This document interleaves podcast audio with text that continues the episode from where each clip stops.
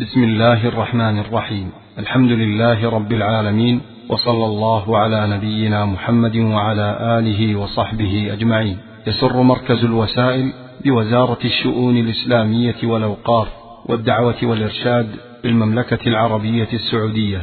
أن يقدم لكم المكتبة الصوتية لمعالي الشيخ صالح بن عبد العزيز آل الشيخ. وعنوان هذه المادة الدعوة إلى الله فضلها وثمراتها. الحمد لله الذي هدانا للإسلام. وما كنا لنهتدي لولا أن هدانا الله. وأشهد أن لا إله إلا الله وحده لا شريك له.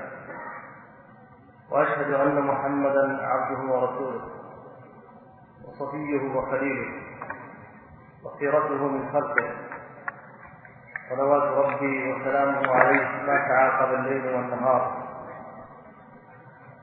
أيها الإخوة في الله في هذه الأمسية الطيبة ليلة الخميس السابع من شهر ذي القعدة سنة 21 و400 وألف من هجرة المصطفى صلى الله عليه وسلم. اللهم صل وسلم. وفي جامع الإمام عبد الله بن مسعود رحمه الله حي السويدي في مدينة الرياض. يسعدنا ويشرفنا جميعا أصالة عن نفسي ونيابة عن أهل الحي والعاملين في مكتب الدعوة في هذا الحي. أن يكون ضيفنا في هذه الليلة معالي الشيخ صالح بن عبد العزيز بن محمد آل الشيخ وزير الشؤون الإسلامية. ومعاليه غني عن التعريف فهو شبل من أشبال أصول التوحيد. حفيد شيخ الدعوة الإسلامية مجدد الملة الحنيفية. الشيخ الإمام محمد بن عبد الوهاب أجزل الله له الأجر والثواب. ورث المكارم كابرا عن كابر كالرمح انبوبا على انبوب نشكر له إجابة الدعوة مع علمنا بكثره مشاغله وعظم مسؤولياته. نسأل الله تعالى أن يكتب خطواته حسنات أن يحط عنا وعنه الذنوب والسيئات أترككم مع معاليه ليحدثنا عن الدعوة إلى الله فضلها وثمراتها. فليتفضل. بسم الله الرحمن الرحيم. الحمد لله. جعل في كل زمان فترة من الرسل بقايا من أهل العلم يهدون ويرشدون ويدعون إلى الله جل وعلا. يحيون بكتاب الله الموتى ويبصرون به أهل العمى. فكم من قتيل لابليس قد أحيوه وكم من تائه ضال قد هدوه. فما أحسن أثرهم على الناس وما أسوأ أثر الناس عليهم؟ ينفون عن دين الله تحريف الغالين وانتحال المبطلين وتأويل الجاهلين. وأشهد أن لا إله إلا الله وحده لا شريك له وأشهد أن محمدا عبد الله ورسوله صلى الله عليه وعلى آله وصحبه وسلم تسليما كثيرا. أما بعد فأسأل الله جل وعلا أن يجعلني وإياكم ممن سخرهم لنشر دين الله جل جلاله ولرفع راية الإسلام ولتكثير الخير وتقليل الشر. إنه سبحانه أكرم مسؤول. كما أسأله جل وعلا أن يوفقنا جميعا إلى التعاون على البر والتقوى وأن يجعلنا مفاتيح للخير مغاليق للشر.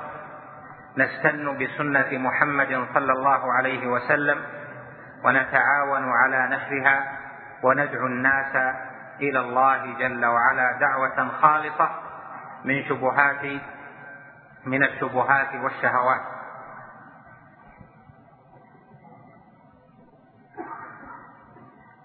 موضوع هذه المحاضرة الدعوة إلى الله جل وعلا فضلها وثمراتها. ولا شك أن من اختار هذا الموضوع أحس بعظم شأن الدعوة إلى الله في الكتاب وفي السنة وأحس بعظم حاجة الناس إليها في هذا الزمان بالخصوص. صغارا وكبارا ذكورا وإناثا خاصا وعاما في هذا البلد بخصوصه وفي بلاد الله بعمومها. وذلك أن الله جل وعلا ابتلى الناس لم يخلقهم لي ليكون الهدى والخير غالبا دائما. أو ليكون الشر والفحش مهزوما دائما. بل المسألة اقتضت حكمة الله جل وعلا أن يكون فيها جد تارة وتارة وذلك لحكم عظيمة ومن أعظمها أن يبتلي الله جل وعلا الناس ليعلم الصادقين منهم والمجاهدين وليبلو أخبارهم. سبحانه وتعالى. قال جل وعلا الذي خلق الموت والحياة ليبلوكم أيكم أحسن عملا. وقال جل وعلا وكذلك جعلنا لكل نبي عدوا من المجرمين. وكفى بربك هاديا ونصيرا. وقال جل وعلا وكان في المدينة تسعة رهط يفسدون في الأرض ولا يصلحون. وقال أيضا جل وعلا إن فرعون علا في الأرض. وهذا أمثاله كثير في القرآن ليبين أنه جل وعلا أذن كونا بأن يكون في الأرض شر وأن يكون في الأرض بعد عن الله جل وعلا. ليحتاج الناس إلى الدعوة إلى الله جل وعلا ليحتاج الناس إلى الأمر بالمعروف والنهي عن المنكر ليحتاج الناس إلى الجهاد جهاد النفس وجهاد الشبهات وجهاد الشهوات والأمر بالمعروف والنهي عن المنكر. وهذا إذا علم علم أن الابتلاء إذا احتاج الناس إلى مزيد من الدعوة وإلى مزيد من نشر الخير الابتلاء حينئذ يكون أعظم في من كان له قدرة على البيان وعلى نشر الخير وعلى التعاون عليه. فالدعوة إلى الله جل وعلا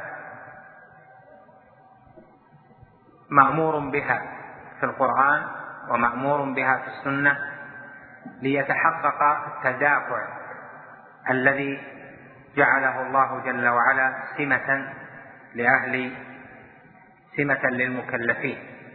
يدفع الخير الشر فتعظم الأجور ويظهر الصادق من غيره وتعظم الحسنات وتكفر السيئات. الدعوة إلى الله جل وعلا جاءت في النصوص بهذا الاسم الدعوة إلى الله. قال جل وعلا قل هذه سبيلي أدعو إلى الله على بصيرة أنا ومن اتبعني وسبحان الله وما أنا من المشركين. وقال جل وعلا في وصف نبيه الكريم عليه الصلاة والسلام وداعيا إلى الله بإذنه وسراجا منيرا. وقال عليه الصلاة والسلام العلماء ورثة الأنبياء.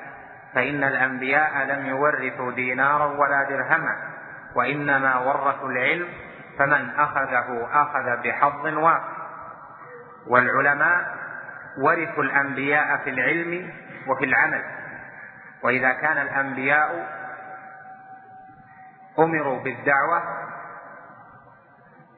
في كل حال لتبليغ رسالة الله جل وعلا فإن العلماء في مكانهم في نشر دين الله جل وعلا وتعليم الناس الخير.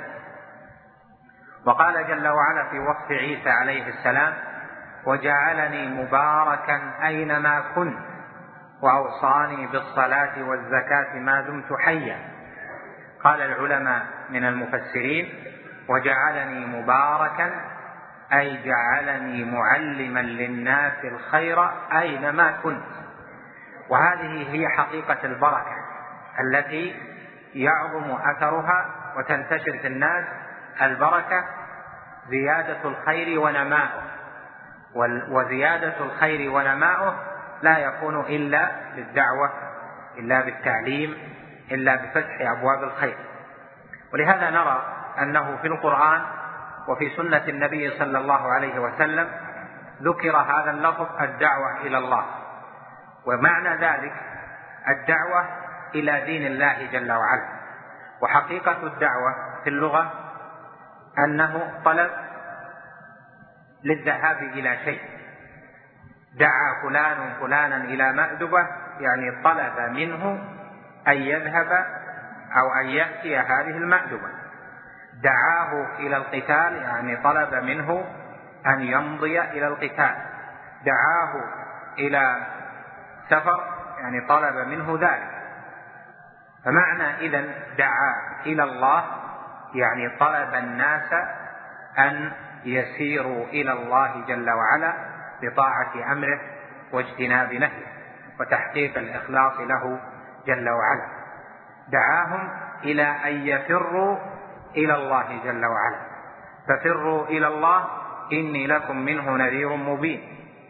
وهذا في الحقيقة تحقيق للغرض من النجاة من الابتلاء لأن الناس ابتلوا بهذه الحياة. ومن ينجو في هذا الابتلاء هو من يطيع الله جل وعلا ويطيع رسوله صلى الله عليه وسلم. يطيعهم بتصديق الأخبار الغيبية وامتثال الأوامر الشرعية والانتهاء عن المناهي. فمن صدق بالخبر وأطاع الأمر وانتهى عن النهي فقد أجاب الله جل وعلا في دعوته. ومن خلط بين هذا وهذا فقد خلط.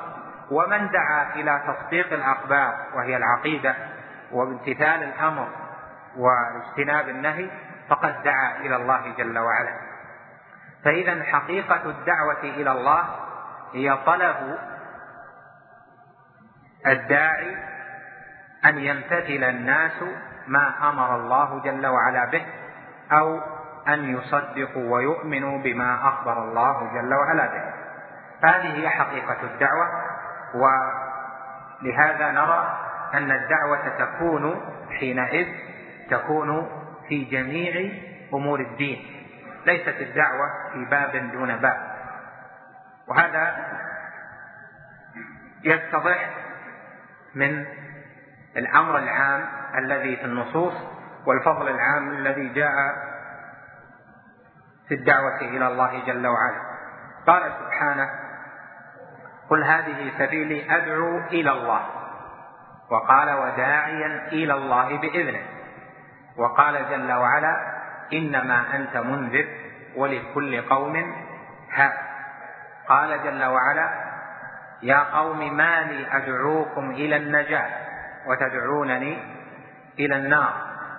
وقال عليه الصلاة والسلام لعلي فوالله لأن يهدي الله انفذ على رسلك وادعهم إلى الإسلام. فوالله لأن يهدي الله بك رجلا واحدا خير لك من حمر النعم. وهذا وغيره يدل على أن الدعوة إلى الله معناها الدعوة إلى عموم الدين.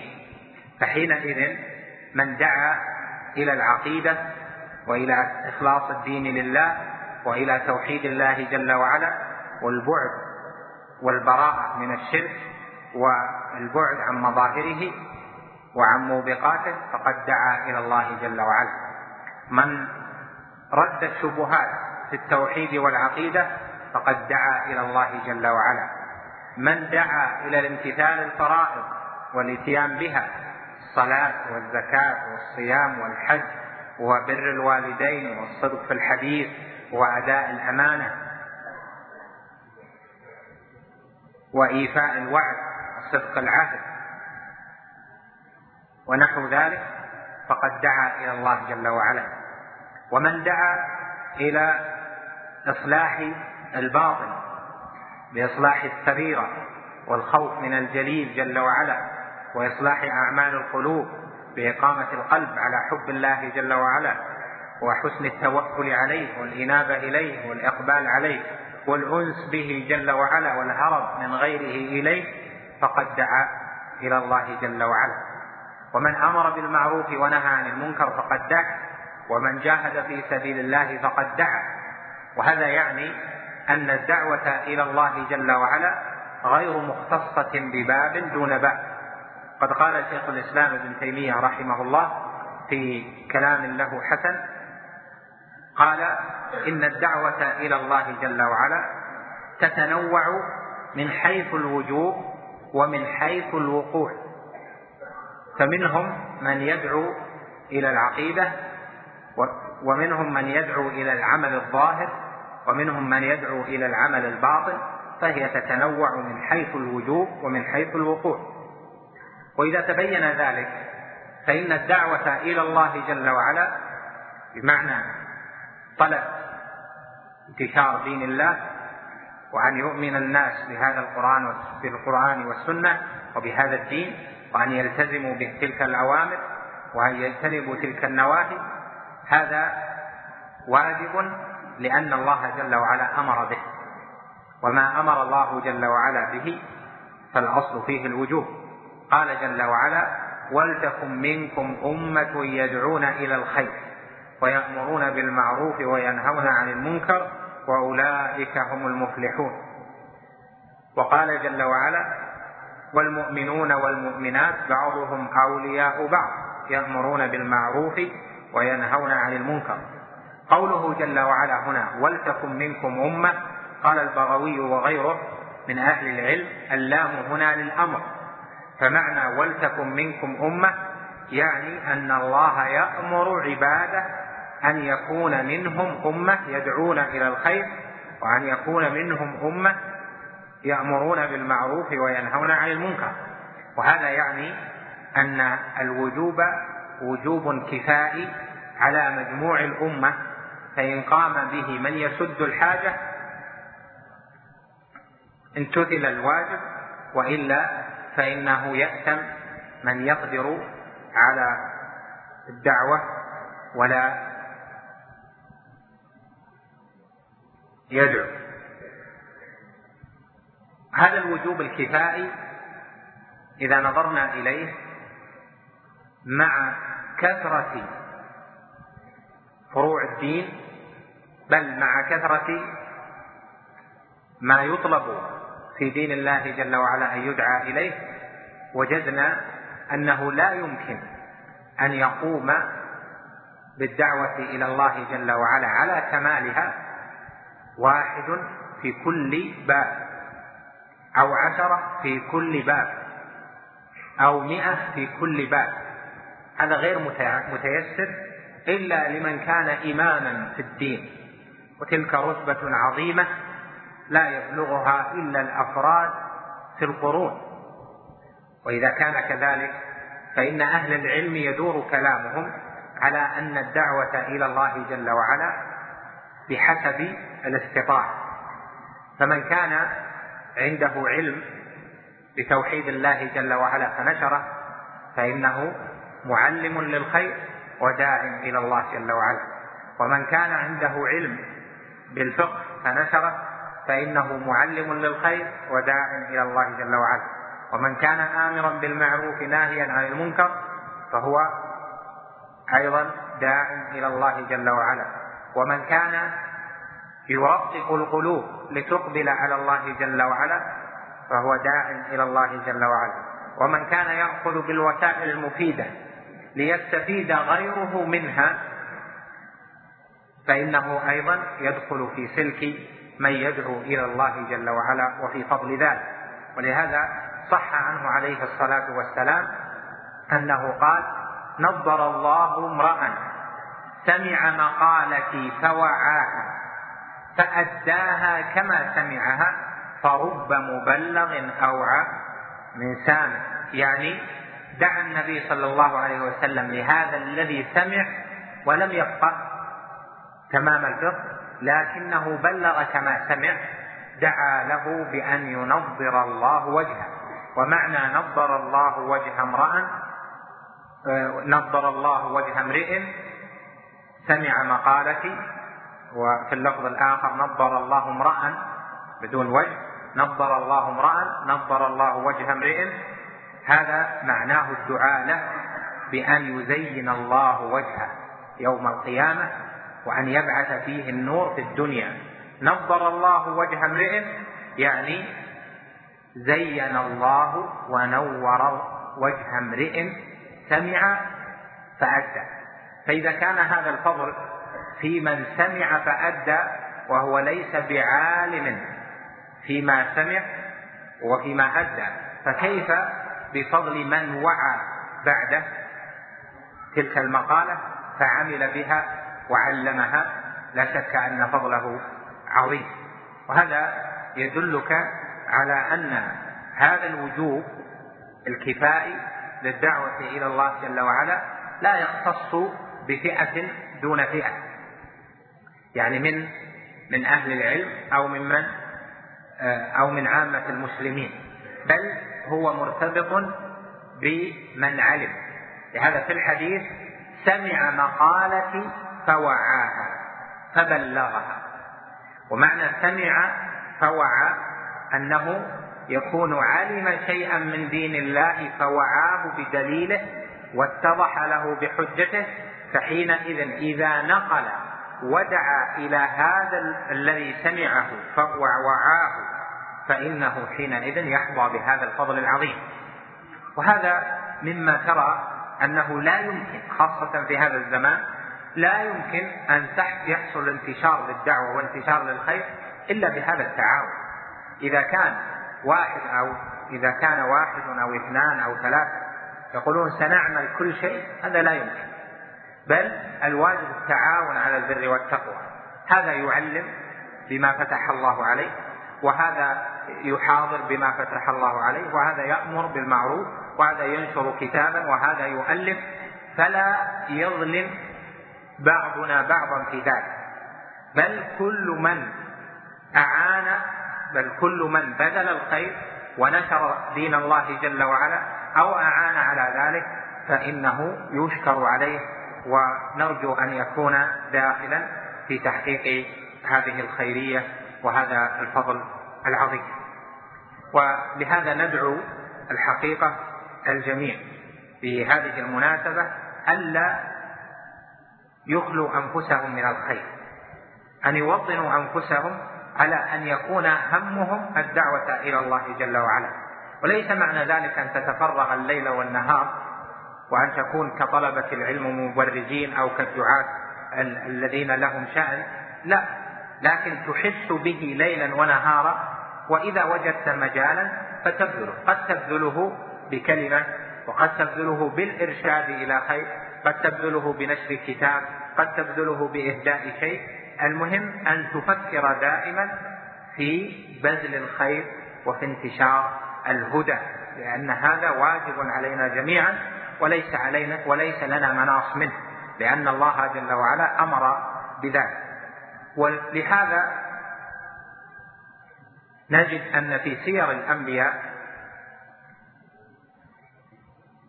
ما يحرك الهمة كما في كتاب الله جل وعلا وفي سنة رسوله صلى الله عليه وسلم ما يحرك الهمة للدعوة إلى الله جل وعلا. خذ مثلا أول رسل الله جل وعلا من؟ نوح عليه السلام. في سورة نوح أكثرها في في دعوته. في دعوة نوح بلفظ الدعوة وطريقة الدعوة والبذل فيها. وكيف صبر وكيف أجيبوا وكيف حضهم وكيف رغبهم إلى آخر ما اشتملت عليه تلك السورة العظيمة.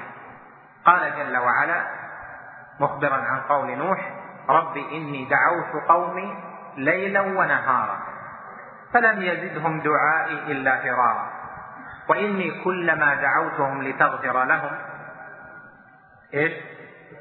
جعلوا أصابعهم في آذانهم واستغشوا ثيابهم وأصروا واستكبروا استكبارا هل انقطع؟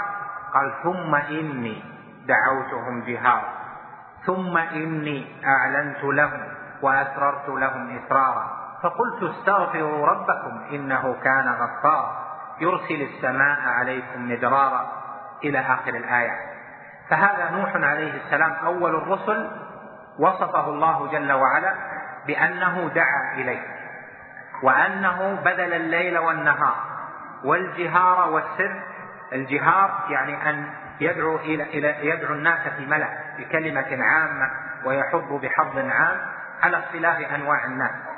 أو سرا قال العلماء معناه أن يكون بينه وبين شخص واحد إذا لقيه فإنه يدعو إليه ليس على ملأ ولكن بينه وبينه فنوع ذلك من جهة الزمان في الليل والنهار ومن جهة الطريقة الجهر والإسرار ومن جهة المخاطبين أيضا وذكر الفضل.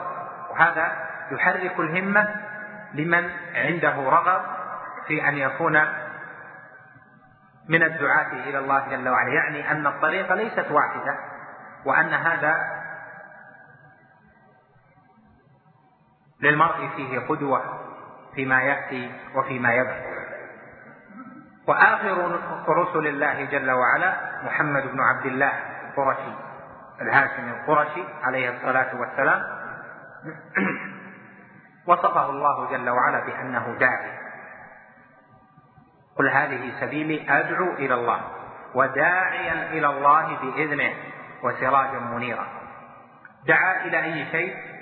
دعا وهو أعظم ما دعا إليه إلى توحيد الله جل وعلا وإلى البراءة من الأوثان والأصنام والشرك والمشركين. دعا إلى طاعة الله جل وعلا إلى الإيمان بالقرآن إلى الإيمان بما في هذا الكتاب العظيم. دعا إلى الفرائض دعا إلى مكارم الأخلاق دعا إلى الانتهاء عما حرمه الله جل وعلا.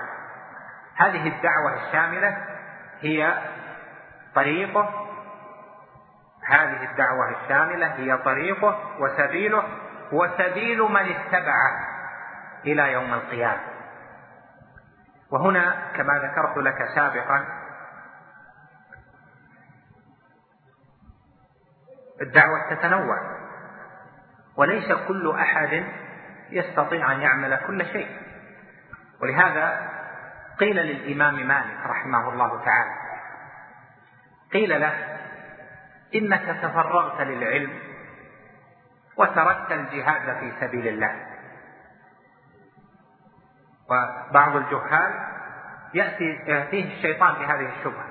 أن الناس يعني يحتاجون إلى جهاد يحتاجون أمر وهذا جالس في مسجده يعلم ويقرأ كتاب إلى آخره. هذه قديمة لأنها من الشيطان. قال للإمام مالك إنك تفرغت للعلم وجلست في مسجدك وتركت الجهاد في سبيل الله. قال الإمام مالك بن أنس أحد الأئمة الأربعة المشهود لهم من الأمة وشيخ الشافعي قال يا هذا إن من عباد الله من فتح له باب الصلاة. يعني الإكثار من صلاة النفل ومنهم من فتح له باب الصدقة يعني الإكثار من من الصدقة. ومنهم من فتح له باب الصيام يعني الإكثار من صيام النفل ومنهم من فتح له ومنهم من فتح له باب العمرة والحج. ومنهم من فتح له باب الجهاد. ومنهم من فتح له باب العلم. وأنا ممن فتح الله لي باب العلم ورضيت بما فتح الله لي. وهذه الكلمة عظيمة ونابعة من علم غزير وراسخ وذلك أنه لا يمكن أن يطلب من كل أحد حتى من أهل العلم أن يفعل كل شيء. ومن طلب ذلك فإنه يطلب فوق المستطاع. ولكن المطلوب من هذه الأمة في تحقيق الواجب الكفائي أن تتعاون على الخير وأن أن تبذل النصيحة وأن ترشد ومن أراد خيرا أن تعين عليه إذا كان على الصواب والسنة وإذا كان على غير ذلك يرشد ويبين له حتى يستقيم ويتكون دعوته خالصة صالحة. هذه المقدمة التي درنا آه، فيها وتجولنا فيها حول حكم الدعوة وتنوع الدعوة ومجالات الدعوة وبعض السير في ذلك. تعطيك أن هذه الدعوة مفتوحة. الدعوة إلى الله جل وعلا ليست حكرا. هي مفتوحة لكن تحتاج إلى أن تعلم ما تدعو إليه قبل أن تدعو إليه. لا تدعو بجهل لا تدعو بتقليد. تسمع شيئا لا تدري حجته فتدعو إليه.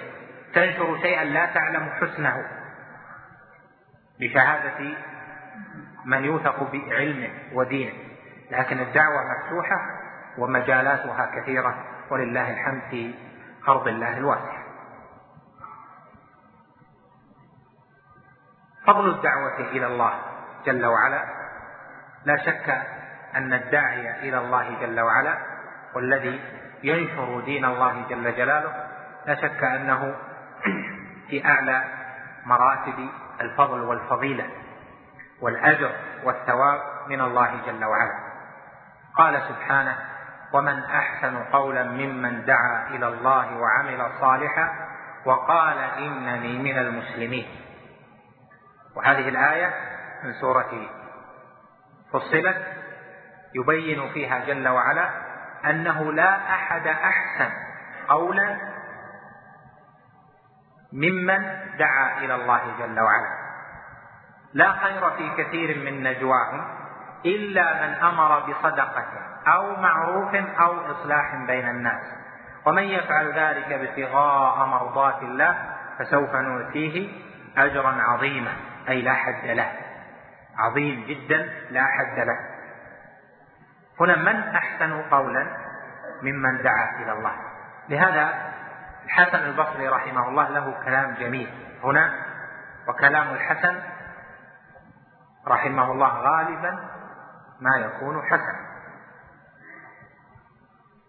قال رحمه الله على هذه الآية من أحسن قولا ممن دعا إلى الله؟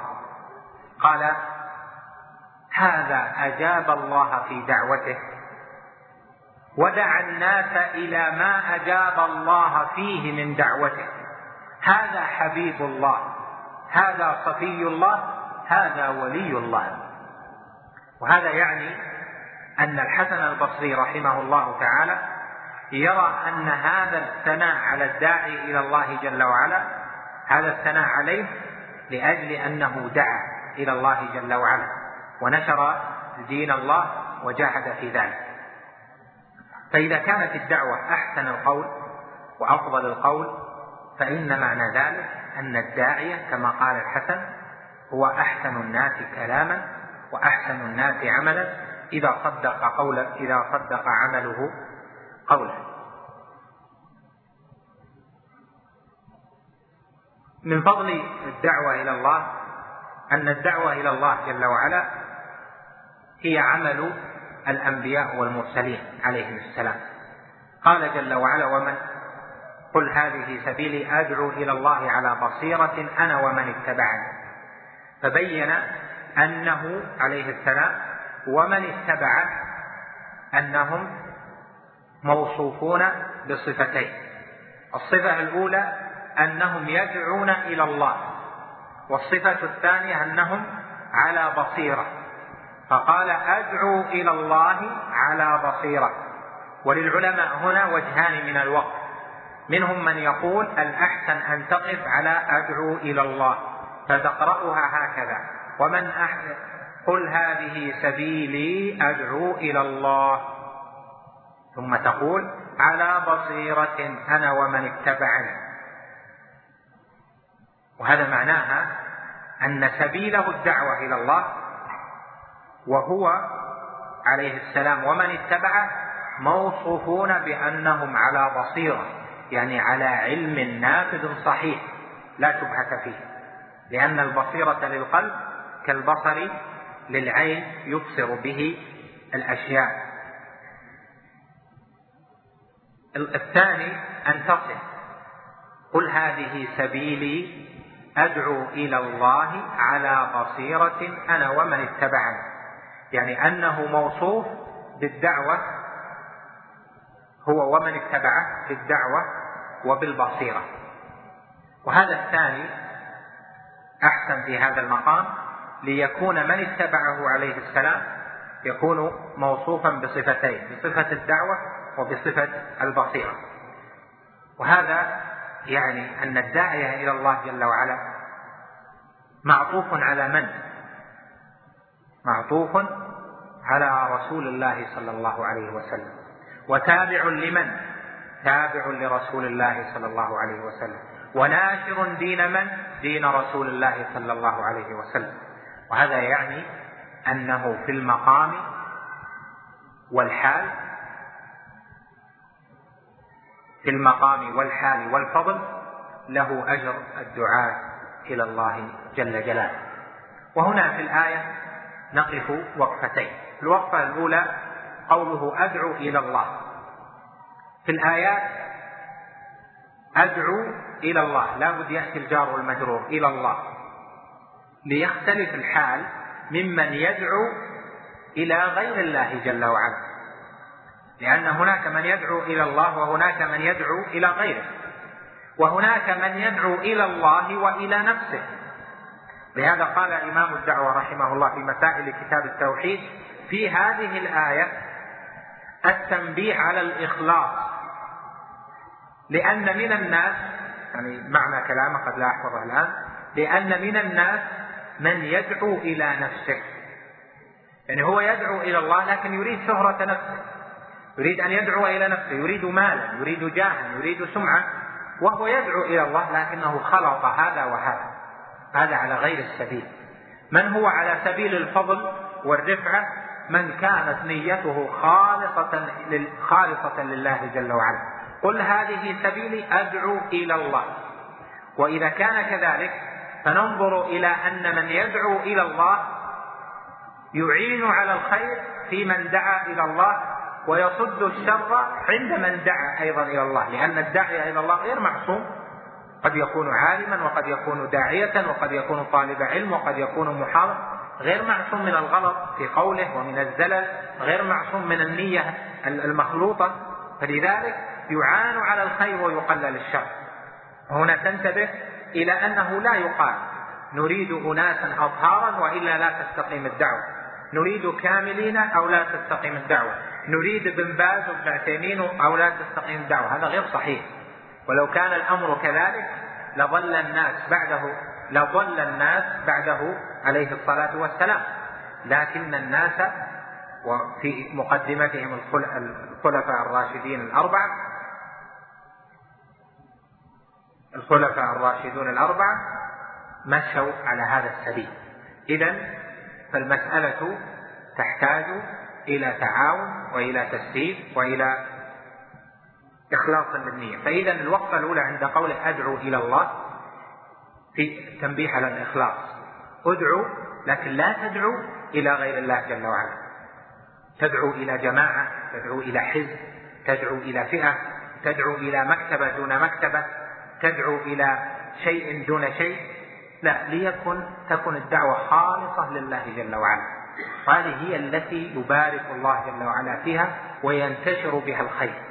وكلما ضيقت الدعوة أو جعلت لها شبهة تدعو إلى شيء وإلى شيء فإن هذا قد يعاقب العبد عليه أو يصد من الخير بقدر ما صدف عن الصراط. المسألة الثانية على بصيرة في وقفة مهمة على بصيرة يعني الداعية مثل ما ذكرنا لا بد أن يكون على بصيرة. فهل يمكن أن يدعو إلى الله جل وعلا؟ من لا يعلم من ليس على بصيرة في دينه لا يمكن. وهناك فرق بين من يقول لا يدعو إلا العلماء وبين من يقول لا يدعو إلا من علم. لا يدعو إلا العلماء هذا غير صحيح. لكن لا يدعو إلا من علم هذا صحيح. والعلم يتجزأ بالمسائل فكذلك الدعوة تتجزأ بحسب ما علم. أحد من الناس حضر درسا وسمع به حضر محاضرة وسمع بها. يدعو إلى ما علمه بحجته.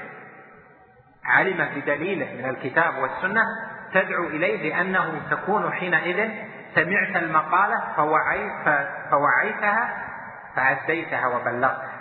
هذه صفة المدعو له بنضارة الوجه في الدنيا والآخرة.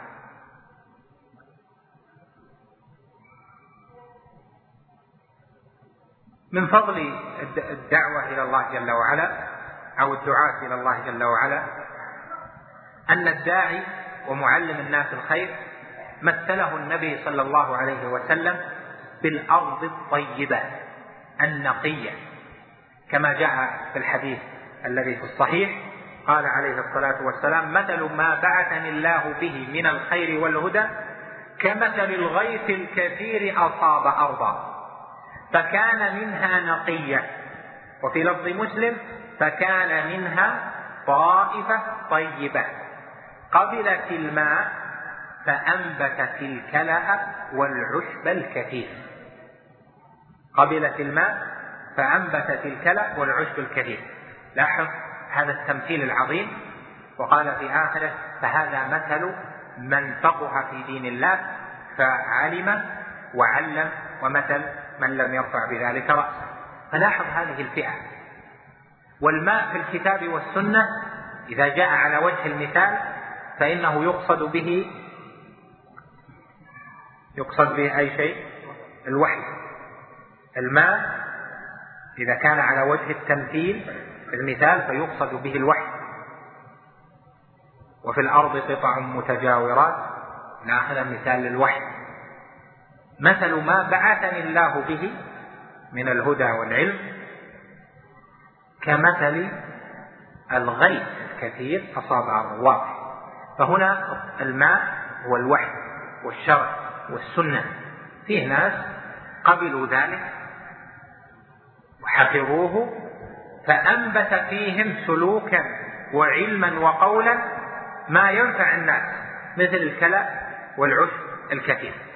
وفيه ناس ما ما ينتفعون. حتى في الصلاة هذا يصلي وهذا يصلي.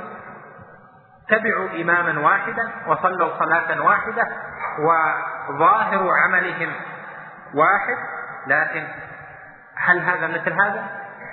شتان بينهم. الوحي ينزل على القلوب يختلف هذا من هذا. لهذا قال في قوله تعالى وفي الأرض قطع متجاورات في سورة الرعد. وفي الأرض قطع متجاورات وجنات. ونخل وفي الأرض قطع متجاورات وجنات وزرع ونخيل صنوان وغير صنوان. يسقى بماء واحد ونفضل بعضها على بعض في الأكل. إن في ذلك لآيات لقوم يعقلون. هنا تنظر هنا أرض واحدة. صحيح؟ الماء الماء واحد. أرض شكلها واحد. والماء واحد. لكن هذه أخرجت تمرا حلوا يعني طلع النبات تمر حلو وبجنب الشجرة إيش؟ شجرة يعني شجرة مرة أو سامة. الماء واحد. الماء واحد. والأرض ظاهرها أنها واحد. لكن ما الذي أختلف؟ اختلفت الحقيقة اختلف القلب اختلف النوى. هذا يسمع الموعظة والدعوة فيلين قلبه لذكر الله جل وعلا ويعزم على الصلاح والتوبة والإنابة والمشي في سبيل الأخيار. وهذا يسمعها فيكون قلبه أصد عن دين الله جل وعلا من قبل ما سمع. يرى أنه استثقال ويرى أنه وأن القلوب اللي اختلفت الوحي واحد والأداة واحدة لكن القلوب اختلفت. ولهذا الأرواح اختلفت الأنفس اختلفت ولهذا الداعي إلى الله جل وعلا والذي يعلم الناس الخير مثله النبي صلى الله عليه وسلم بالأرض الطيبة وهذا فضل عظيم منه فضل عظيم للداعي إلى الله جل وعلا والمعلم الناس الخير. الدعوة إلى الله والدعاة إلى الله مفلحون. بنص الآية ولتكن منكم أمة يدعون إلى الخير ويأمرون بالمعروف وينهون عن المنكر وأولئك هم المفلحون. والفلاح فلاحان فلاح في الدنيا وفلاح في الآخرة. والفلاح هو الفوز والنجاة. وأصله في اللغة البقاء. البقاء أفلح يعني بقى وقد يقال إن الفلاح القطع مثل قول الشاعر إن الحديد بالحديد يفلح يعني آه، يقطع أو يقص لأنه يقطع يعني الفلاح بمعنى يقطع الفن. فالفلاح هو البقاء الفلاح هو الفوز الفلاح هو النجاة. فالداعي إلى الله والآمر بالمعروف والنهي عن المنكر موصوفون بأنهم مفلحون. والفلاح في الدنيا والفلاح في الآخرة وهذا.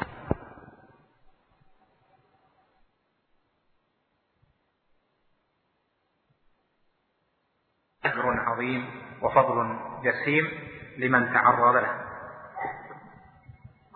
الدعوة إلى الله جل وعلا أيضا عنوان خيرية هذه الأمة. قال جل وعلا كنتم خير أمة أخرجت للناس. تأمرون بالمعروف وتنهون عن المنكر وتؤمنون بالله. قال العلماء قدم الأمر بالمعروف والنهي عن المنكر على الإيمان بالله لأن الإيمان بالله قاصر على من آمن. والآمر بالمعروف والنهي عن المنكر مؤمن وإيمانه تعدى خيرا فنشر ما آمن به. ولذلك قدم على سائر المؤمنين. وهكذا كان فضل العلماء أعلى من غيرهم لأنهم علموا وعلموا. يرفع الله الذين آمنوا منكم والذين أوتوا العلم درجات. أهل الإيمان مرفوعون لكن أهل العلم من أهل الإيمان رفعهم الله جل وعلا على غيرهم درجات. وهكذا يشترك أهل الإيمان في كثير من الأجور لكن من من دعا من أمر بالمعروف من نهى عن المنكر على مقتضيات الشريعة وبآدابها فإنه عنوان خيرية هذه الأمة. كنتم خير أمة أخرجت للناس تأمرون بالمعروف وتنهون عن المنكر. ما تقدير سبك الآية؟ كنتم للناس خير أمة أخرجت. الأمم التي بعثها الله جل وعلا كثيرة. والتي أخرجها الله من أتباع الأنبياء إلى آخره كثيرة. لكن هذه الأمة للناس هي خير الأمم لماذا؟ لأنها تدعو وتأمر بالمعروف وتنهى عن المنكر يعني غير قاصرة. الله جل وعلا وصف من قبلنا بأنهم قصروا في الدعوة وفي الأمر بالمعروف وفي النهي عن المنكر لكن هذه الأمة الخير فيها باق إلى قيام الساعة. من فضل الدعوة والدعاء أن الداعية إلى الله جل وعلا ومعلم الناس الخير يصلي عليه الله وملائكته ويستغفر له كل شيء حتى الحيتان في جوف الماء.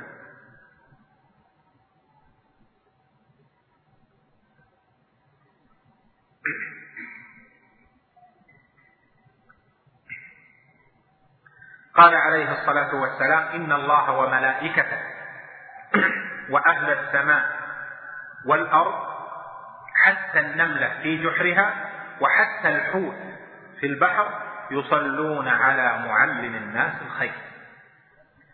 وهذا كما ذكرت لك قول عيسى عليه السلام وجعلني مباركا أينما كنت. يعني معلما للناس الخير أينما كنت. والداعية إلى الله يعلم الناس الخير لكن فرق ما بين معلم ومعلم وما بين داع وداع. لهذا يعظم استغفار وصلاة الله يعظم صلاة الله جل وعلا على العبد وهي وهي الثناء عليه جل وعلا في الملأ الأعلى. وصلاة الملائكة وأهل السماء والأرض بالدعاء له بالرحمة والاستغفار الحيتان والنمل من الكائنات غير المكلفة. يستغفرون للعبد ويلعنون من؟ يلعنون الكافر ويلعنون المنافق ويلعنون من ينشر الشر كما في قوله في آية البقرة ويلعنهم اللاعنون. العبد قد يذنب بل هو معرض للذنب. لو لم تذنبوا لأتى الله بقوم يذنبون فيستغفرون فيغفر الله لهم.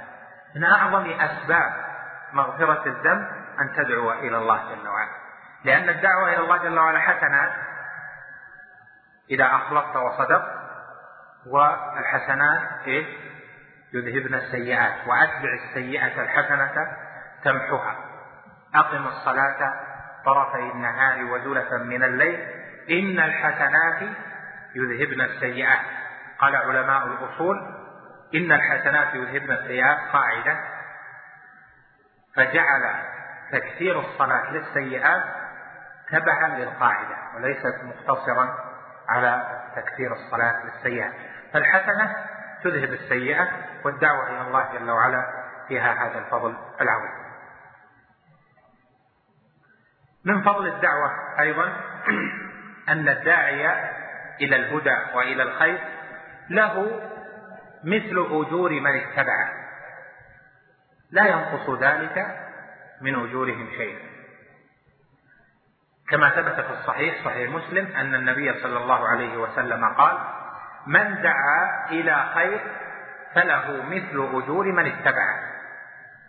وفي حديث أبي هريرة أيضا في مسلم أنه عليه الصلاة والسلام قال من دعا إلى هدى كان له من الأجر مثل أجور من اتبعه. لا ينقص ذلك من أجورهم شيء ومن دعا إلى ضلالة فعليه وزرها ووزر من اتبعها لا ينقص ذلك من أوزارهم شيئا. فإذا إذا كنت تدعو شخص تدعو رجل امرأة بيتك زوجتك أولادك آه، قريبك تدعوه إلى أن يفعل شيئا وفعله فلك مثل أجره دعوت إلى الاستغفار لك مثل أجره دعوت إلى الأذكار طرفي النهار لك مثل أجره علمته كيف يصلي صلاة النبي صلى الله عليه وسلم؟ لك مثل أجره علمته كيف يقرأ القرآن؟ له مثل أجره علمته كيف يصحح توحيده وعقيدته ويؤمن بالله جل وعلا حق الإيمان؟ لك مثل أجوره وهذا يبعث الهمة في نفس كل أحد أن يسلك هذا السبيل. لأنه بدل أن يكون عملك قاصرا قليلا صار عملك وافرا كثيرا. فإذا كنت تصلي صلاة واحدة وعلمت مئة كيف يصلون الصلاة الصحيحة فلك أجر هذه هؤلاء المئة. إذا كنت تذكر الله جل وعلا على وفق السنة دون ابتداع ولا اعتداء وعلمت الناس كيف يستغفرون أو علمتهم الأذكار نشرت خيرا كيف أذكار الصباح المساء أذكار دخول المنزل خروجه أذكار الأكل أذكار النوم أذكار لبس الملابس إلى آخره وعملوا بها فقد علمته أن يكون ذاكرا لله جل وعلا ودعوته إلى هذا الهدى. والله أثنى جل جلاله أثنى على الذاكرين في قوله في آخر عليهم وعلى غيرهم في بقوله في آخر آية الأحزاب والذاكرين الله كثيرا والذاكرات أعد الله لهم مغفرة وأجرا عظيما واحد جعل لها لوحة يعني عمل بسيط. لا تنسى ذكر الله. اذكر الله. لا إله إلا الله. اللهم صل على محمد. الواحد يفكر إذا رآه تذكر فعمل. عمل بسيط لكن كم لفاعله من الأجر أراد أن ينشر كتيبا ويطبعه لوجه الله جل وعلا مخلصا في ذلك يرى الخير. كم ينفع الناس من ذلك؟ قد قال نبينا صلى الله عليه وسلم إذا مات ابن آدم انقطع عمله إلا من ثلاث صدقة جارية أو علم ينتفع به أو ولد صالح يدعو له الصدقة الجارية يدخل فيها كل ما فيه نشر للخير مما يبقى للمرء. بعد موته أو علم ينتفع به لأنه أيضا خصص وهو آه، يدخل في الصدقات الجارية. إذا سنخلص من هذا إلى أن أثر الدعوة وتعليم الناس الخير ليس مقتصرا على الحياة الدنيا هو للدنيا وللآخرة. قال جل وعلا إنا نحن نحيي الموتى ونكتب ما قدموا وآثارهم وكل شيء أحصيناه في إمام مبين. نكتب ما قدموا يعني في حياته آثارهم أحد وجهي التفسير في الآية أنهم ما أثروه بعد موتهم. فهذا أثر علما وهذا أثر ولدا صالحا وهذا أثر دعوة وهذا أقام أمة.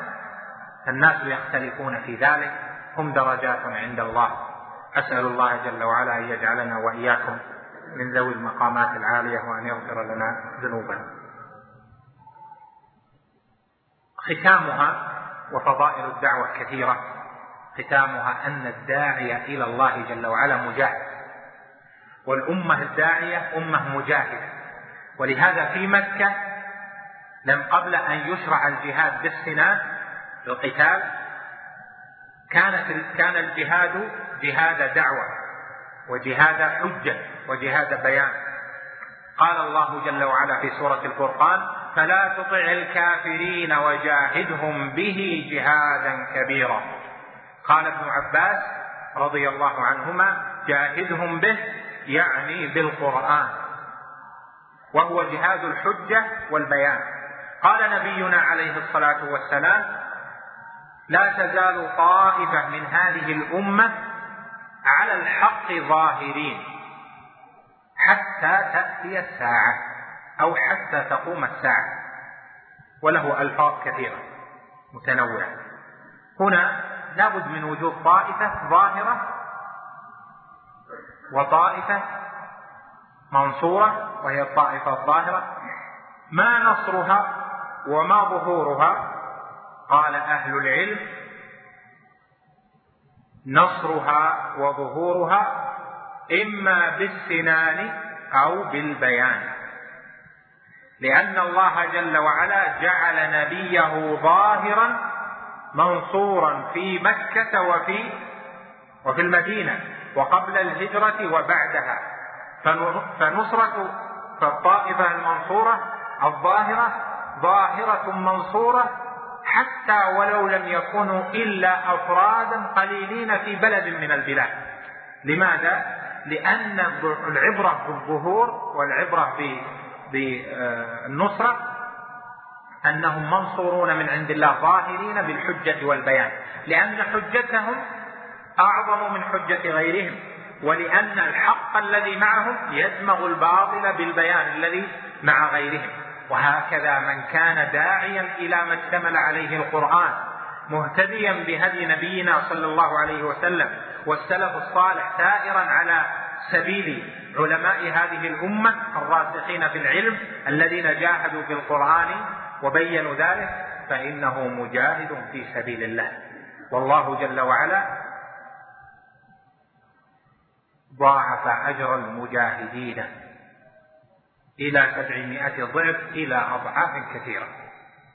هذا فضل عظيم لا ينبغي لأحد أن يخلي نفسه منه. وحينئذ إذا قمنا بالدعوة إلى الله جل وعلا فإننا قمنا بنوع جهاد. هل هو جهاد الأعداء؟ أولها جهاد النفس. كما سيأتي في الثمرات جهاد النفس جهاد الشيطان جهاد من حولك لهذا نقول إن الداعية إلى الله جل وعلا خلاصة لما تقدم هو من ينشر دين الله جل وعلا. أي مسألة من, من الدين علمها فوعاها فنشرها فإنه يؤجر على ذلك.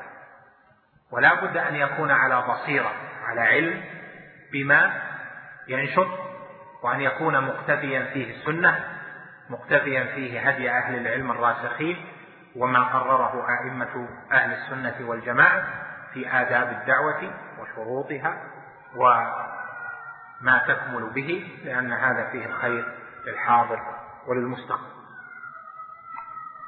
نستمع للأذان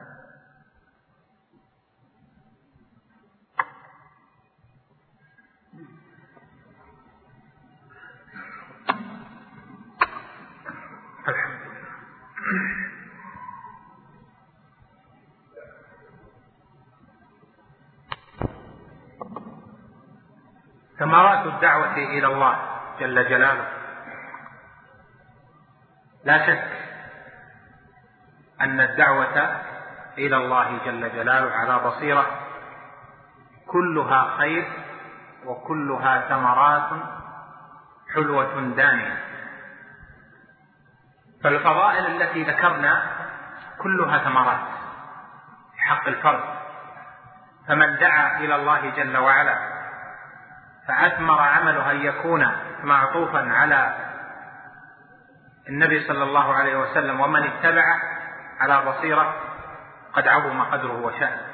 من دعا إلى الله فأثني عليه بل أثنى عليه الله جل جلاله بأن قوله أحسن الأقوال فإنه حاز أعلى الثمرات.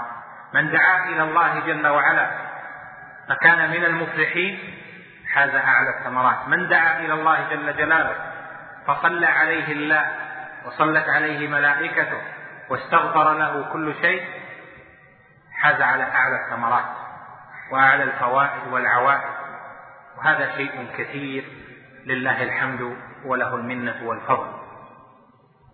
لكن ننظر إلى الثمرات من جهة أخرى. من جهة أثرها على السلوك سلوك الفرد. وعلى سلوك المجتمع وعلى واقع الدولة بعمومه. أما الفرد فإنه إذا دعا إلى الله جل وعلا وأمر بالمعروف ونهى عن المنكر بآداب الدعوة وشروطها وبآداب الأمر بالمعروف والنهي عن المنكر وشروطه وبحسب ما أنيط به فإنه يقوى فيه أشياء إيمانية. أولها أنه يضعف تسلط الشيطان على النفس. لأن من دعا يحب ما دعا إليه ويكره الشر.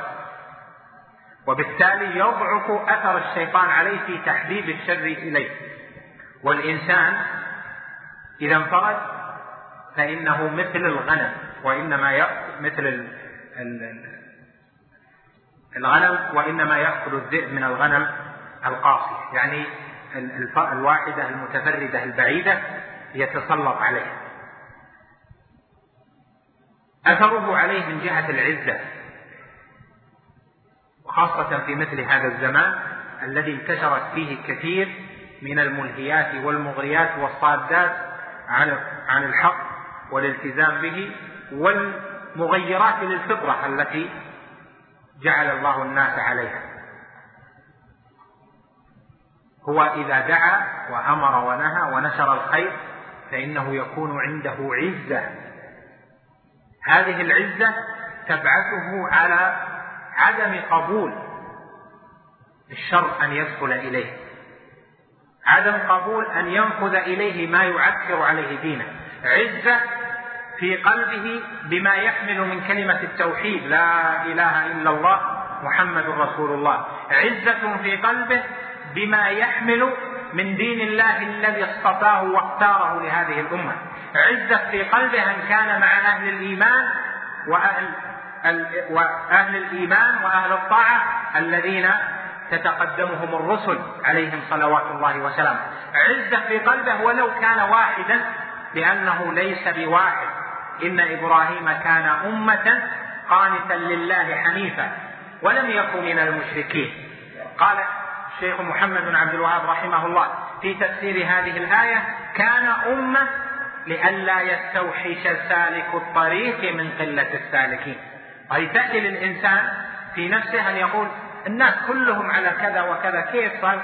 لكنه إذا دعا وأمر ونهى بالطرق الشرعية وصابر واتقى لله وألان قلبه لله جل وعلا وخضع فإنه حينئذ يقوى فيه الحب لله جل وعلا وتبقى ويقوى فيه العزة وتقوى فيه المنعة من المؤثرات وإذا حصل منه كذا وكذا فإنه يعظم ذلك في نفسه ويعجل بالاستغفار لربه جل وعلا.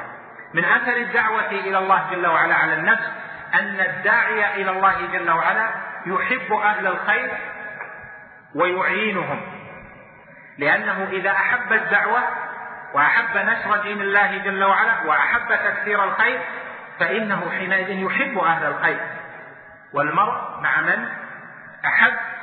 أما إذا كان لا يدعو ولا يرى للدعوة أهمية ويكون سلبيا معها أو يكون متقاعسا في هذا المجال لا يعين ولا يدعو هو ولا يعين فإنه قد يؤول به الأمر إلى أنه يكره بعض أنواع الدعوة ثم يأتيه الشيطان يكره أشياء كثيرة من الدعوة وهذا قد يكون من أعظم تسلطات الشيطان على الإنسان. لهذا نشر الدعوة والتعاون عليها يجعل المرء يحب إخوانه المؤمنين الذين ينشرون الخير. ومعلوم أن أن المحبة والإيمان عند أهل السنة والجماعة يتباحر. ليس درجة واحدة. تحب أو تحب بكمال أو تبغض بكمال. بل قد نحب من وجه ونكره من وجه. نحب الخير الذي فيه لا شك ونكره الشر الذي فيه. لأننا مأمورون بحب أهل الإيمان بعامة ومأمورون بحب الخير وكراهة الشر. فلهذا من من ثمرات الدعوة في الإنسان في المرء المسلم أنه بالدعوة إلى الله جل وعلا يكون قلبه مع من يحب الله جل وعلا ورسوله عليه الصلاة والسلام. فإذا كان في, في الذي يدعو في الآخر إذا كان فيه وفيه فإنه يحبه يحبه من وجه ولا يحبه من وجه. وإذا كان لا يحبه من وجه معنى ذلك أنه يسعى في تسديده. يسعى في النصيحة له يسعى في بذل الخير له ونصيحته وتسديده وبذل الخير هو أيضا من الدعوة إلى الله جل وعلا. من أثر الدعوة على الإنسان في نفسه أن الداعية إلى الله جل وعلا يشعر بالسعادة ويشعر بانشراح الصدر. ليس ليس عند الداعية إلى الله جل وعلا قلق ولا ريب في صدره. ولا بعد عن السكينة والطمأنينة لأنه دعا وهو عامل يعمل صالحا ويدعو ويعمل بما دعا إليه فإنه حينئذ نفسه تكون قوية منشرحة يعني أنه يكون سعيدا في هذه الحياة. وآخرها ما يتعلق بالنفس أن الدعوة إلى الله جل وعلا توطن الإنسان المسلم الذي يمشي في هذا السبيل توطنه على أمر عظيم جلل وهو حب الآخرة وعدم الركون إلى الدنيا. والركون إلى الدنيا وحب الدنيا هو رأس كل خطيئة. من فتح باب الشهوات على من انفتح عليه إلا من حب الدنيا. من فتح باب الكسب الحرام على من انفتح عليه إلا حب الدنيا. من فتح كذا وكذا على من انفتح عليه إلا من حب الدنيا. الدعوة إلى الله جل وعلا توطن نفس العبد المسلم على أنه يتعلق بالآخرة ولا يتعلق بالدنيا. ويكون كما قال الله جل وعلا وابتغ فيما آتاك الله الدار الآخرة ولا تنس نصيبك من الدنيا. الأصل ما هو؟ الأصل الآخرة. وابتغ فيما آتاك الله من المال ومن الجاه ومن ومن الرعاية حتى في أسرتك وفي قلة أو كثرة ابتغي فيما آتاك الله من العلم أو أو أو العمل. ابتغي الدار الآخرة. القصد هو أن تنجو في الدار الآخرة. لكن هل تنقطع؟ تتبتل. ولا تنس نصيبك من الدنيا. وأحسن كما أحسن الله إليك. ولا تبغي الفساد في الأرض. لهذا قال جل وعلا في الآية بعدها ليكون رابطا بينها وبين ما ذكر في قصة قارون تلك الدار الآخرة نجعلها للذين لا يريدون علوا في الأرض ولا فسادا والعاقبة للمتقين العاقبة في الدنيا وفي الآخرة لأهل التقوى. إذا من ثمرات الدعوة إلى الله جل وعلا على النفس أن الداعي إلى الله جل وعلا منشرح الصدر. الداعي إلى الله جل وعلا مطمئن. الداعي إلى الله جل وعلا لا يركن إلى الدنيا بل هو مقبل على الآخرة. لا ينسى نصيبه من الدنيا. لا بأس بالبيع لا بأس بالتجارة لا بأس بالوظيفة لا بأس بكذا وكذا. لكن يكون القصد أن تكون معينة له على الدار الآخرة. ابن تيمية رحمه الله له كلام طيب في مسألة الزهد. حضرني الآن. هل الزهد لبعض الناس يقول الداعي إلى الله هذا غير داعي. يربطون ما بين صحة الدعوة وما بين هل هو زاهد أو غير زاهد. شيخ الإسلام ابن تيمية قال الزهد تنوعت عبارات الناس فيه. الناس الزهد هو ترك الدنيا الزهد التقلل من الدنيا الزهد تقليل الأكل والمشرب ولبس وضيع الثياب الزهد قال بعضهم الزهد ترك الحرام عبارات مختلفة. قال ابن تيمية رحمه الله عبارة جامعة وهي راجحة لأنها من مقتضى الدليل ومقتضى هدي السلف. قال الزهد ترك ما لا ينفع في الآخرة. الزهد المطلوب شرعا ترك ما لا ينفع في الآخرة. فإذا كان ثمة أشياء تنفعك في الآخرة فليس زهدا أن تتركها. عرض عليك شيء لتكون به داعيا إلى الله جل وعلا. الزهد في المناصب الزهد في في كذا الزهد في إن الواحد آه، يحافظ. الزهد في انه يكون ليس صحيح. الزهد ترك ما لا ينفع في الآخر. الطعام إذا كان في حق أحد الناس قوة له بما يعلم من نفسه قوة له على أمور يعانيها فإن الزهد ليس ترك الطعام. الزهد هو ترك ما لا ينفع في الآخر. ولهذا يتنوع الزهد بتنوع الأشخاص وتنوع الأحوال والزمان والمكان. وإذا نظرت إلى حال صفوة السلف الصالح من الصحابة رضوان الله عليهم ومن التابعين لم تجدهم على مفهوم الزهد عند الصوفية. لهذا نقول الداعي إلى الله جل وعلا مفهوم الزهد عنده مفهوم أشمل من مفهوم الطرقيين ومفهوم المتجردين من الدنيا بطريقة غير صحيحة. من ثمرات الدعوة إلى الله جل وعلا على المجتمع أن المجتمع يعني الناس المجتمع ما معناه الناس في بلد ما الذين يدعون ويعينون على الدعوة إلى الله جل وعلا حققوا أولا الولاية. ولاية بعضهم لبعض والمؤمنون والمؤمنات بعضهم أولياء بعض. وصفهم الله بقوله يأمرون بالمعروف وينهون عن المنكر. ليس معنى ذلك أن هناك صفين صف صالح وصف غير صالح. وأن صف الصالحين يأمرون وينهون غير الصالحين هذا غلط. ليس بيننا فئة منزهة. هذا ينبغي أن ينتبه له ولا يدخل الشيطان على أهل الصلاح والطاعة من هذا المدخل ليس بيننا فئة منزهة من الغلط. قال ليش فلان يتعرض لفلان ورجل صالح؟ كنا هذا غلط. ليس عندنا إما أن يكون صالحا وإما أن يكون صالحا ولهذا وصف الله جل وعلا المؤمنين بأن بعضهم أولياء بعض. يعني أن بعضهم يحب بعضا وينصره وينصح له ولا يخذله وهذا متداعي فيني نقص يسددني. بعض الناس مثل ما أنا الآن في الوزارة الواحد يغيب عنها أشياء كثيرة. فيأتيني من بعض الإخوة الناصحين جزاهم الله خيرا من طلبة العلم ومن غيرهم ما يسدد به المرء وما ينصح به وما يترك به ذنبا أو يسعى في خير وهذا صفة الأمة. ما عندنا صفة هذا عاصي وهذا صالح هذا عند الكهنوت عند النصارى. نحن أمة بعضنا يدعو بعضا وينصح بعضا ويعين بعضا بالطريقة الشرعية الصحيحة. في كل الناس متداخلون في بعض. فإذا تحققنا بهذه الصفة زالت عنا صفة أهل النفاق. وهذه من أعظم آثارها وثمراتها على المجتمع. أنه يكون مجتمعا صالحا إذا كان ليست فيه صفات النفاق سارية. أن الله جل وعلا وصف المنافقين بقوله المنافقون والمنافقات بعضهم أولياء بعض. إيش؟ يأمرون بالمنكر وينهون عن المعروف ويقبضون أيديهم نسوا الله فنسيهم من ثمرات الدعوة إلى الله جل وعلا على المجتمع أن الدعوة إلى الله جل وعلا يتحقق بها دفع العقوبات والابتلاءات عن الناس.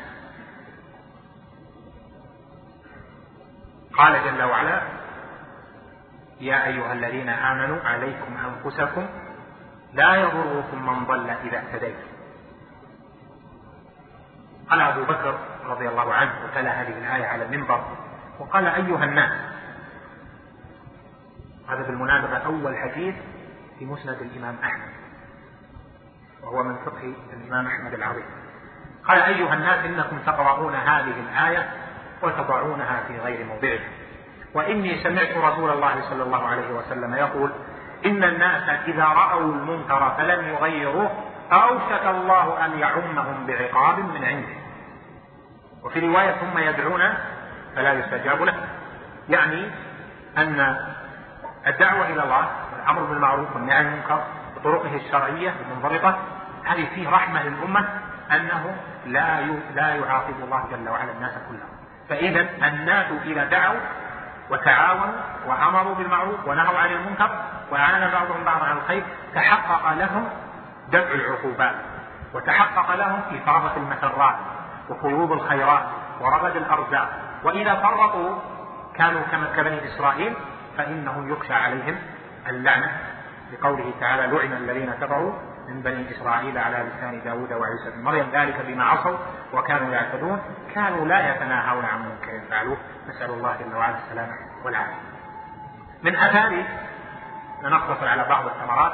من ثمرات الدعوة على المجتمع. أن أنه إذا قام الناس بالدعوة إلى الله جل وعلا فإنه يرتفع الإثم عن الناس. إذا أعان بعضهم بعضا على ذلك. لأن كما ذكرت الدعوة إلى الله جل وعلا فرض كفاية. ونشر دين الله جل وعلا فرض كفاية. فإذا أعان الناس بعضهم بعضا بما يستطيعون؟ هنا رفع الإثم. تاجر في تجارة قد لا يستطيع أن يعمل أن يكون داعيا لكن يمكن أن يسهم. يسهم بمادة يسهم برأي يسهم بالاشتراك في شيء آه المعلم يمكن يسهم في شيء. طالب العلم يسهم في حلقة في علم يؤلف كتاب. يعني يكون بين يكون هذا في الناس وحينئذ نقوم بأداء هذا الواجب أما أثر الدعوة إلى الله جل وعلا على الدولة فإن الدعوة إلى الله جل وعلا سبب لتحبيب قلوب الناس بعضهم ببعض. سبب لتحبيب قلوب الراعي إلى الرعية والرعية إلى الراعي هذا من الآثار الواضحة البينة لأنهم يلتقون يلتقي الجميع تلتقي الدولة ويلتقي الناس لهدف واحد وهو نشر الخير وتقليل الشر فإذا مضى هذا وتعاون الناس عليه فإنه تعظم المحبة وإذا عظمت المحبة قوي الترابط ومعناه تقوى الدولة لأن الدولة تمثل الحكومة والناس. دولة تمثل الحكومة والناس بمجموعهم آه، يطلق عليهم الدولة. من ثمراتها أيضا أنه يتحقق الأمن في الأمن الذي هو أعلى مطالب الدول. من أعظم المطالب تحقيق الأمن الأمن النفسي والأمن الاجتماعي والأمن المتعلق بالجريمة وأهم من ذلك كله الأمن العقدي والديني.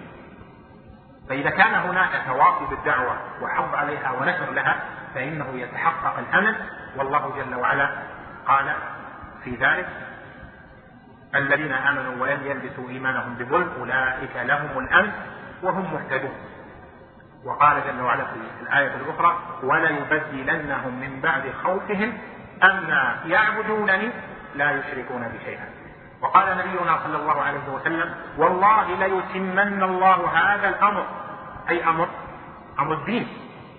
حتى تسير الضعينة من الشام إلى مكة أو قال من صنعاء إلى مكة لا تخشى إلا الله. الضعينة المرأة الرجال في القوافل تأخذهم يأخذهم المعتدون وقطاع الطريق. كيف امرأة واحدة تسير آمنة لا تخشى إلا الله جل وعلا؟ سببه الأمن.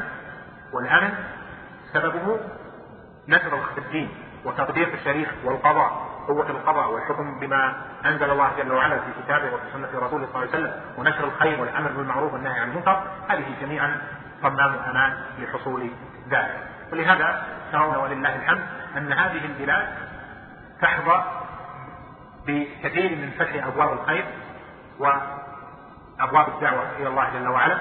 لا تجد في أكثر البلاد مثل هذه المحاضرات الكثيرة ومثل قيام مكاتب في الأحياء ومثل هذا النشر الكثير للكتب الدعوية والدعوة في الداخل وفي خارجها. لا تجدها في أكثر هذه البلاد. فهي مما من الله جل وعلا به على هذه آه، البلاد وعلى هذه الدولة. نسأل الله جل وعلا أن يثبتنا جميعا على ذلك وأن يجزي ولاة أمورنا خيرا وأن يجعلنا وإياهم من المتعاونين على البر والتقوى وأن يحقق لنا جميعا ما نصبو إليه من انتشار الخير وزيادته ومن قلة الشر وإضمحلاله. إنه سبحانه جواد كريم كما أسأله سبحانه أن يمن علي وعليكم بالثبات على دعوة إلى الله جل جلاله ومن نشر الخير وتعليم العلم وبذل ذلك في كل وقت بحسب الاستطاعة ونستغفر الله الجليل. ونسأله بأسمائه الحسنى أن يغفر لنا ذنوبنا وأن يعفو عن تقصيرنا وأن يرحمنا ويسترنا ويستر عيوبنا, إنه سبحانه جواد كريم هو أكرم مسؤول أعطى ولا يمن بالعطاء وأكرم ولا يمن بالإكرام يعطي من غير سؤال ويبذل وينير جل وعلا من غير تعرض. سبحانه وتعالى وتبارك وتقدس. سبحانك اللهم وبحمدك. أشهد أن لا إله إلا أنت أستغفرك وأتوب إليك وآخر دعوانا أن الحمد لله رب العالمين.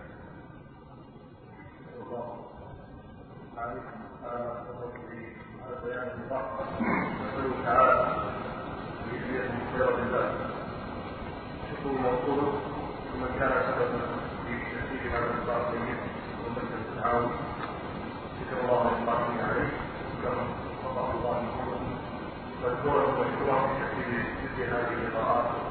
وخاصة خاصة الأخ الشيخ عبد الرحمن العجلان جزاه الله خيرا ولأن ألح على الإلحاح شديد وأتى مرات ومرات ومرات فأسأل الله جل وعلا أن يكتب له الأجر والثواب عني وعن الحاضر. الصلاة. ولا ينفع عليكم وظهر قنوات إسرائيلية لرجال العلم لبسوا على الناس في دين الله. فاسألوا في في معصية. وقال يستدعي في قناة إسرائيلية إسلامية تدعو إلى دين الله على في إسلام الأمة. وكلهم يدعون هذا المشروع الدعوي وعلماء هذه البلاد. ولعل معاليكم يتبنى هذا المشروع الدعوي هذا المشروع مطروح. طرحه ولاة الأمور جزاهم الله خيرا. والآن فيه لجنة عالية مكلفة في دراسته. من جميع جهاته ونرجو إن شاء الله أن يتحقق عن قريب بإذن الله. قل مع الشيخ أحبك الله خير. يقول بعض العلماء أن الذي ليس عنده علم فإنما يفسد أكثر مما يفسد. ما هذا الكلام؟ هذا الكلام صحيح. من دعا إلى شيء لا يعلمه فإنه سيدعو إلى رأي أو إلى هوى ودين الله جل وعلا بالنقول لا بالآراء والعقول.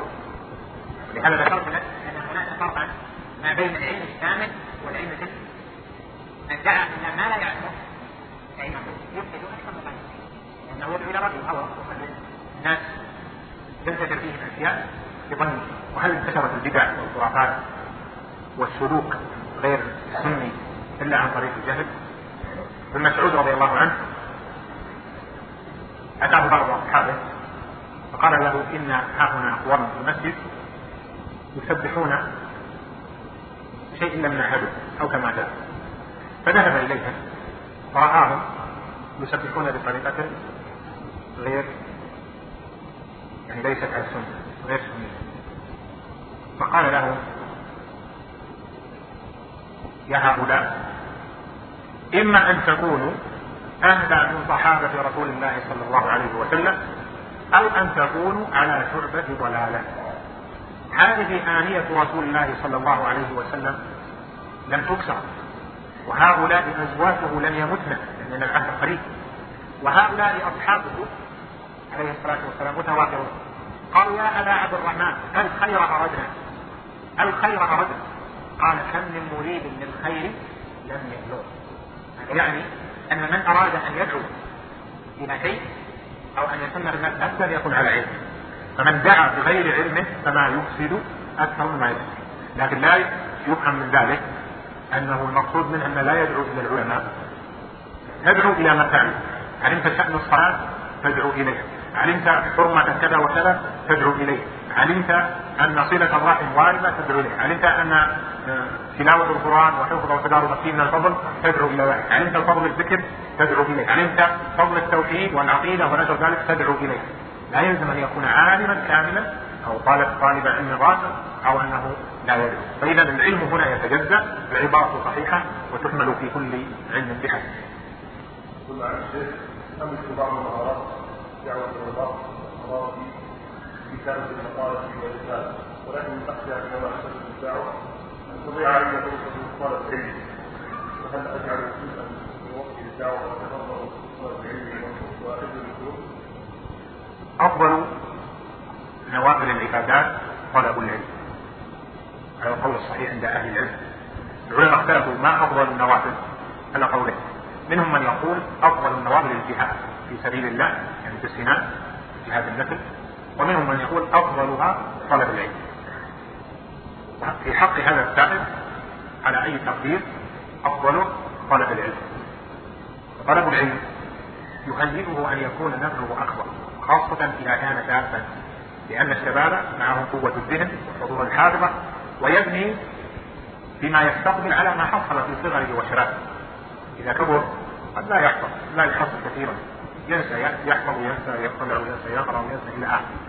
فترة الشباب مهمة. فإذا كان عنده مقدرة على طلب العلم وعلى الحفظ والفهم وملازمة أهل العلم فهذا أولى له. من التبرع للدعوة. بما له لكن طالب العلم إذا علم يدعو ويسهم بحسب ما وهذا يعني أنه لا انفصال ما بين طلب العلم وما بين الدعوة. يطلب العلم إلى الله لكن لا يتفرغ للدعوة. وإنما يتفرغ لطلب العلم فإذا وجد فسحة فعل الخير وكتب بحثا أو كتب مقالا في جريدة يحض الناس الخير أو الخطبة أو نحو ذلك مما يعينه على بذل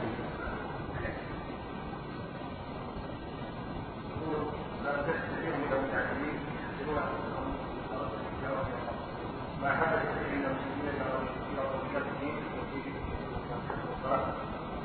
المسلمين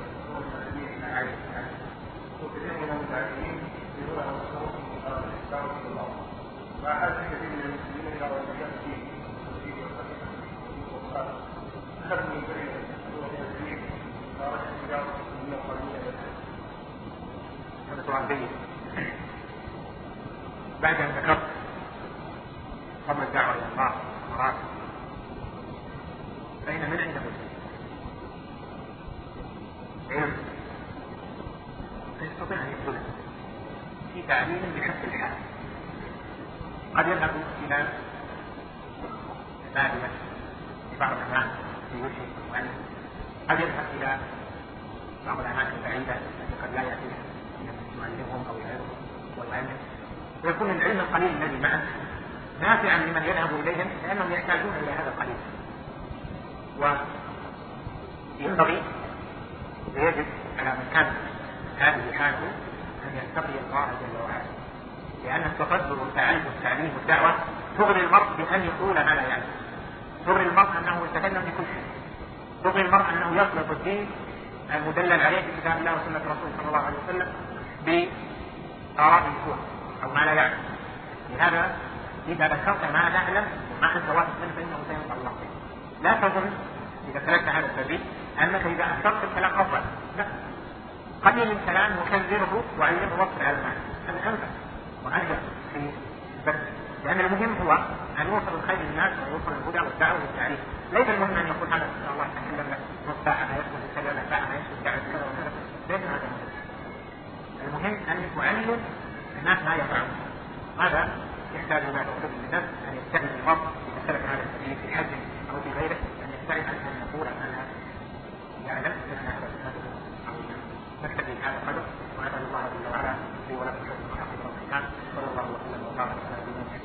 مع تحيات مركز الوسائل بوزارة الشؤون الإسلامية والأوقاف والدعوة والإرشاد بالمملكة العربية السعودية.